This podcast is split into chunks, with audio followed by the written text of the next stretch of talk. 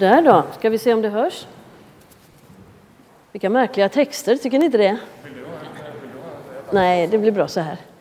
Eh, vad roligt för mig att få vara här. Jag har aldrig varit i den här kyrkan och jag har aldrig träffat de flesta av er förut heller. De här båda bibeltexterna handlar om någonting som vi kan kalla, jag kan sätta en rubrik över det och rubriken kan ni komma ihåg sen, jag kommer att upprepa den många gånger. Till slut kommer ni kunna den så väl som man väcker er i natt så kan ni den. Rubriken är denna, det som inte syns har betydelse för det som syns. Mm. Det som inte syns har betydelse för det som syns.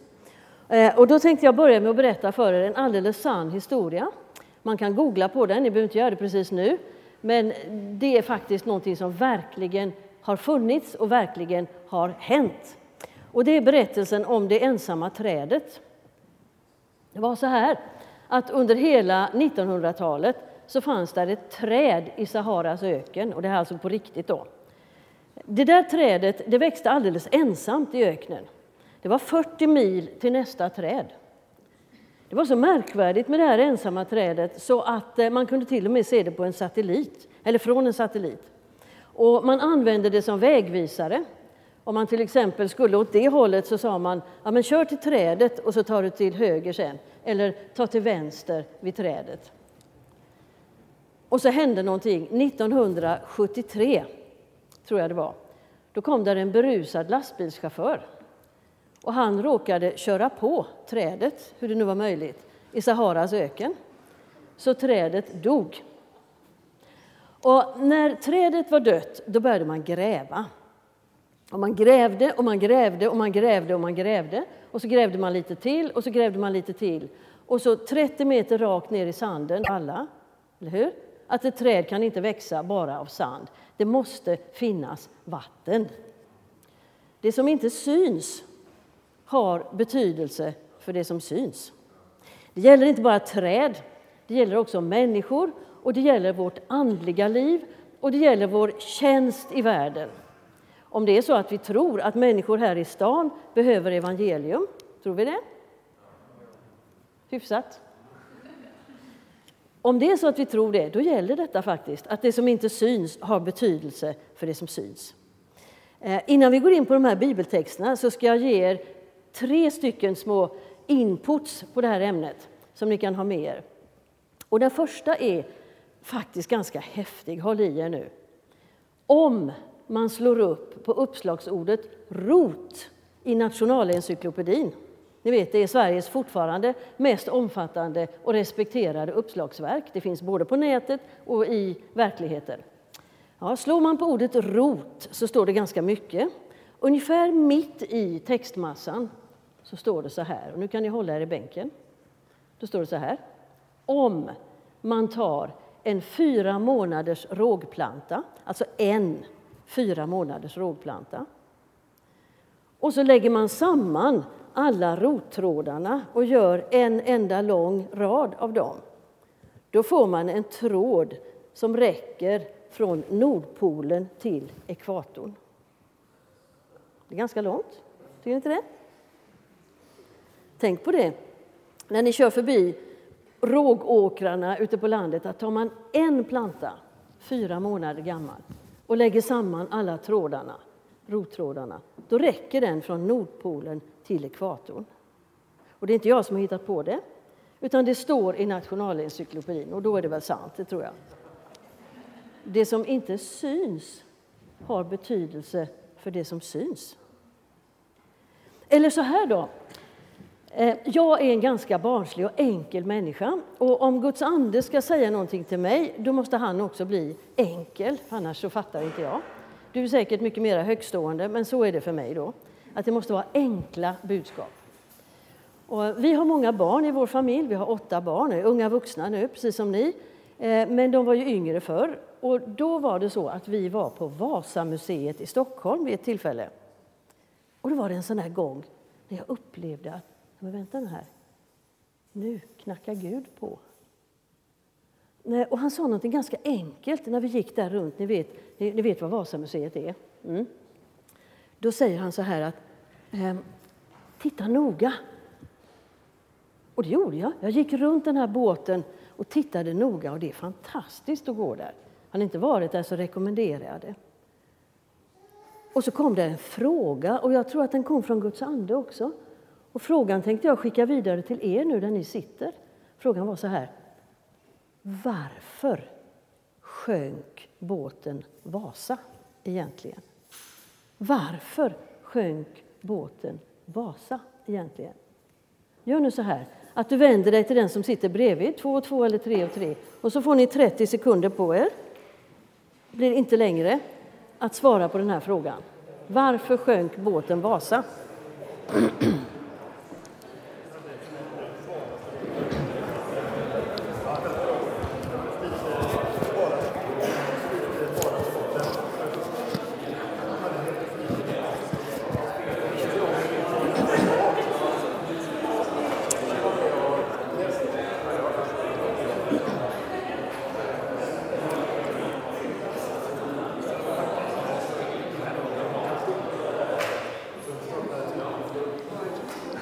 Ja, då var tiden ute. Så alltså, varför sjönk Vasa då? Varför sjönk Vasa? Mm. Precis. Alltså kungen hade byggt ett gigantiskt skepp. Stort, rankt, snyggt, skrämmande och det var hans avsikt också. Att han skulle skrämma fienden. Och så hade han glömt det som var under ytan. Är ni med? Han hade glömt det som var under ytan. Och det var därför Vasa sjönk. Och man kan, man kan formulera det på olika sätt. Vi skulle kunna säga så här, att proportionerna mellan det som syntes och det som inte syntes funkade inte. Håller ni med? Mm. Det fanns ingen barlast som var tillräcklig. Och därför så tippade båten. Och det skulle man kunna kalla det som inte syns har betydelse för det som syns, eller hur? För flera år sedan så hade vi besök i oasrörelsen där jag arbetar av en koptisk biskop från Egypten, biskop Thomas, ni kanske känner till honom en del. Han uppmuntrade oss i oas och så säger han så här, think big, tänk stort och bygg djupt. Think big, för det är ju inte fel att tänka stort. Eller hur? Det är inte fel att ha visioner, det ska vi ha och det har ni tror jag. Det är inte fel att, att vilja synas, det är inte fel att, att märkas, det är inte fel att sätta sin stämpel och sin prägel på sin omgivning. Så ska det vara med kristna människor. Vi ska synas och märkas. Think big, men bygg djupt. Glöm inte av det som är under ytan. En berättelse till innan vi går in på bibeltexterna. För eh, några år sedan så bodde vi, min man och jag, han är präst, vi bodde på Henån, eller i Henån på Orust. En vacker plats. Där ägnar sig folk mycket åt båtande. Det är en stor småbåtshamn, massor med segelbåtar och så. Och då brukade vi ha en lek med våra barnbarn. Och då gick vi på bryggorna där och så tävlade vi vem som kunde se högst mast. Och så gick vi och kikade. Men titta där borta, kolla på den och där. Nej, men jag ser den som ännu högre. Och ibland kunde man se hur segelbåtarna kom in så där snyggt, ni vet, in i, i hamnen liksom, och låg på lut och vinden flaxade i tyget och allt det där. Aldrig så hörde jag någon, jag gjorde det inte själv heller, gående omkring på bryggan och säga Åh, vilken köl den båten har. Eller vilken köl den båten har syns ju inte. Det som inte syns har betydelse för det som syns, för utan köl kantrar båten. Nu gäller det också oss då i vårt kristna liv. Vi är ganska så verksamhetsfokuserade. ligger kanske i vår kultur, vad vet jag. Vi vill eh, göra saker, vi vill att det ska komma många, vi vill att det ska märkas, vi vill att det ska vara mycket folk på gudstjänsterna, vi vill att alfagrupperna ska dra många människor och så vidare. och så vidare. Det är rätt. Det är klart vi ska vilja det. Det vore ju skruvat annars, eller hur? Det är klart att vi ska vilja att det kommer många. Men tänk på proportionerna. Det som inte syns, det är det som bär det som syns. Och om inte det finns under ytan, och det gäller mig som enskild kristen och det gäller en församling, till exempel den här församlingen. Om inte det där finns under ytan, då funkar inte det andra. Då kantrar det andra. Och nu då, så ska vi gå till de här båda bibeltexterna. Orkar ni 12 minuter till? Svar ja. Mm. Då är det så här att Eh, det första, eller det andra som du läste Jakob, ur Matteus evangeliet, det är en enda vers. Matteus 6, vers 6. Den handlar om bön. Och där säger Jesus så här. Eh, När du ber, gå då in i din kammare, stäng din dörr, be till din fader i det fördolda. Då skall din fader som ser i det fördolda belöna dig. Där kanske ni lade märke till att Jesus säger inte om ni ber så ska ni gå in i kammaren, utan han säger när ni ber. Ibland så händer det i, i Svenska kyrkan som jag kommer ifrån, där man tycker det är lite pinsamt ibland det här med gemensam bön.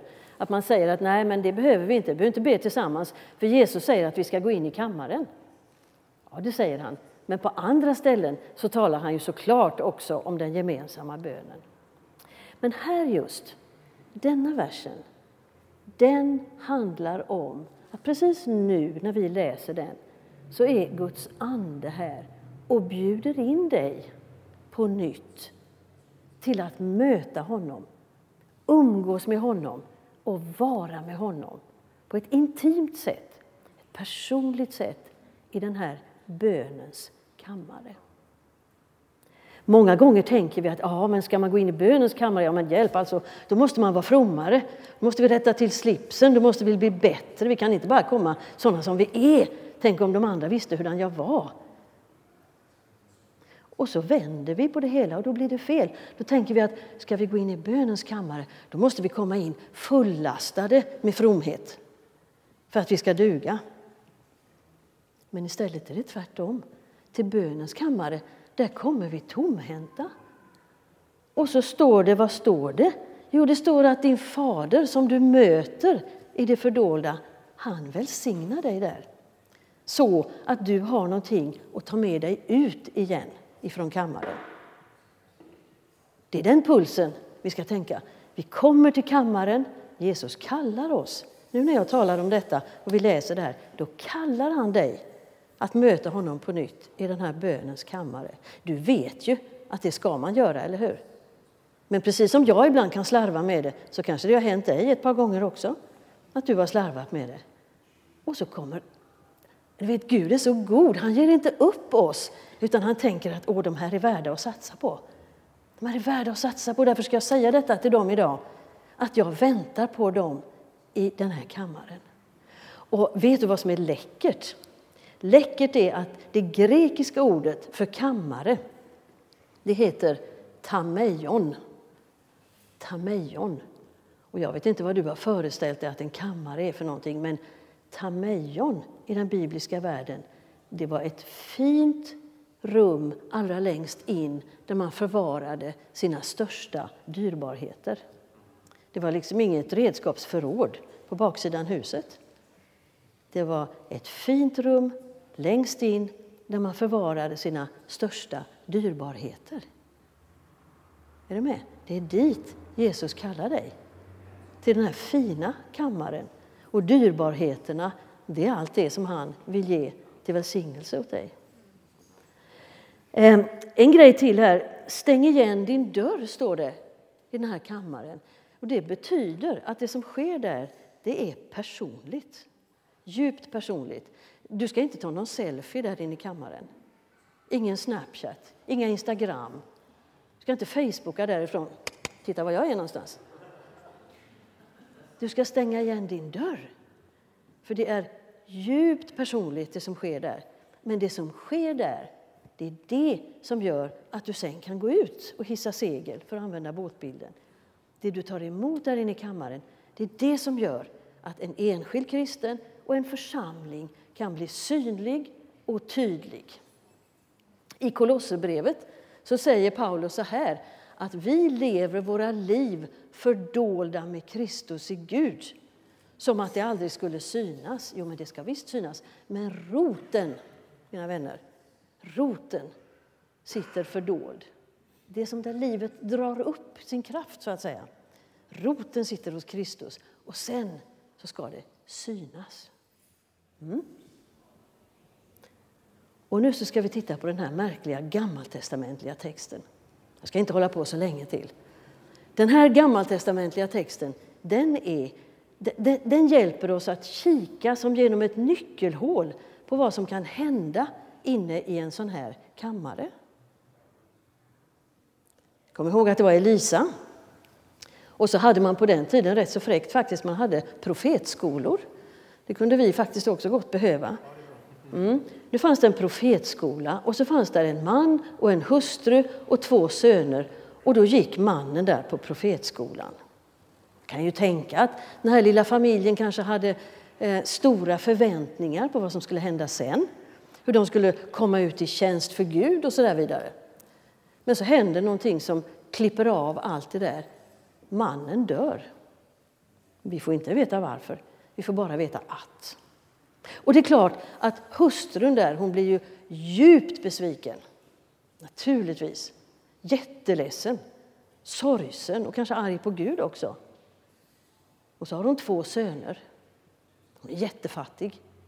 Och då kommer hennes fordringsägare, de här hon är skuld till, och så säger de att ja, men vi tar dina söner i pant. De kan få bli slavar, så har du betalt av. Det är hennes livssituation. Och precis då, in i det här, så kommer vi in i texten. Och då kommer Elisa. Och när han närmar sig så ropar den här hustrun. Ni vet, hon är förtvivlad. Och hon är inte diskret, utan hon ropar ut sin nöd. Hon säger Min man, din tjänare. Och ni hör dubbelheten där. Min man. Det var också din tjänare, en gudsman. Han har dött och du vet att din tjänare fruktade Herren. Alltså man kan verkligen, kan verkligen märka hennes frågetecken. Du vet att din tjänare fruktade Herren. Titta nu som det har blivit. Här är jag. Nu kommer hans fordringsägare och vill ta mina båda söner till slavar. Och Elisa säger inte till henne, stackars dig. Han säger inte, och det var det värsta. Han säger inte det här går aldrig. Utan han ställer två frågor. Viktiga frågor. Först säger han, vad kan jag göra för dig? Och den frågan, ni vet det är så här med Guds ord, att när vi läser en sån fråga, då blir det inte bara en fråga till den här kvinnan en gång för flera tusen år sedan, utan det blir Guds andes fråga till oss. Precis som Jesus ställde likadana frågor till människor som han mötte när han gick här på jorden. Så kommer den här frågan till oss idag. Vad kan jag göra för dig? Och så fortsätter han. Säg mig, vad har du hemma? Och ni vet, den frågan är intressant. Vad har du hemma? Och han ber henne göra en inventering. Och då säger hon din tjänarinna har ingenting annat hemma än... Alltså hon räknar förstås upp alla sina minustecken. Allt, allt minus i kassaboken. Hon har ingenting. Ja, hon har ingenting. Hon har faktiskt ingenting annat än en flaska olja. Och eh, jag vet inte hur mycket du läser din bibel, men du ska veta att när Guds ord nämner olja då ska det alltid ringa en klocka här bak. Plingeling, nu är det Gud som är på G. För oljan är alltid ett tecken på den heliga Ande i Guds ord. Och därför, vi som eh, har facit, jag menar hon hade inte läst Andra Konungaboken ännu. Hon, hon höll just på med det, och uppleva den så att säga. Vi som har facit, vi vet ju vad som hände. Men hon står ju där i all sin tomhet och har bara den här flaskan olja. Och lyssna då säger Elisa till henne Gå och låna kärl av alla dina grannar. Alltså, hon skulle knacka på hos grannen. Hon som inte hade någonting, och så skulle hon be att få låna kärl, tomma kärl. Dessutom många. Inte för få, säger Elisa. Vad har han i kikaren? Varför uttalar han profetiskt att du kommer att behöva mycket. Du kommer att behöva många kärl. Du kommer att behöva mycket tomhet för det som Gud ska göra. Det är en profetisk hälsning, inte för få. Och hon gör det, vet ni. Det måste ha varit någonting i hans, hans sätt att säga som gör att hon mitt i sitt elände med sin enda lilla flaska olja faktiskt går och knackar på hos grannarna och ber att få låna det här.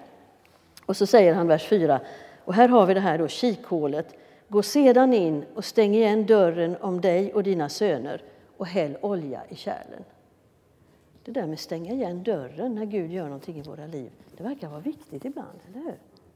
Det är inte alltid Gud gör saker på torget. Båda de här gångerna har det handlat om den stängda dörren och det som sker där bakom.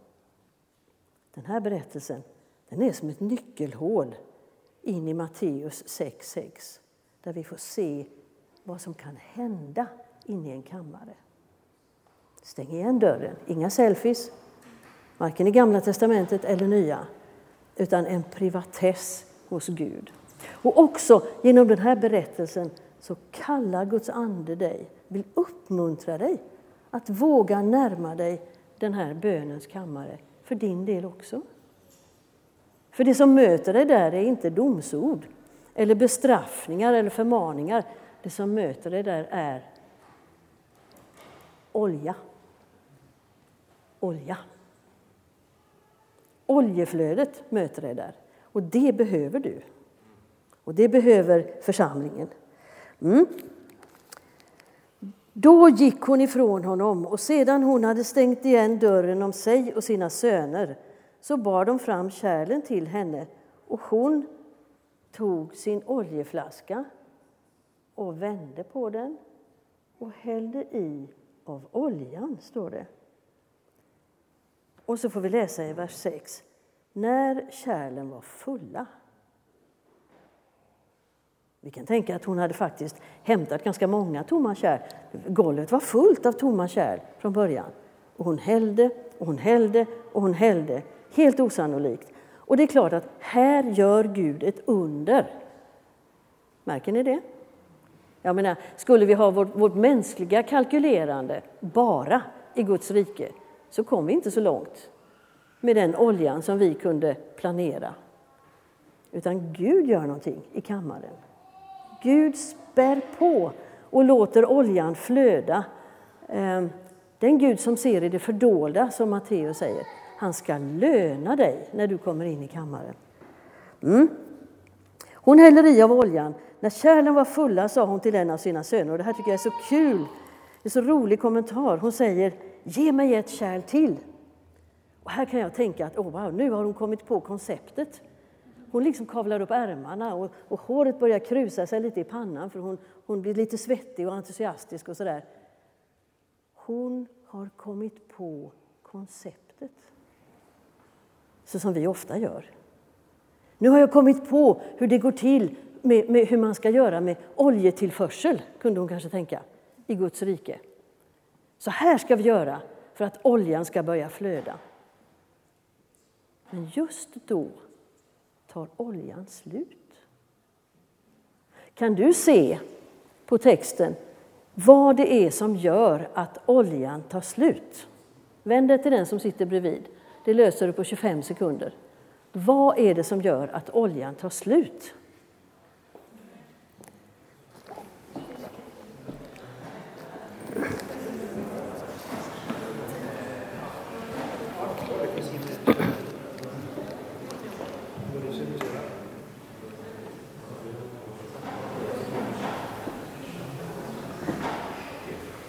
Mm.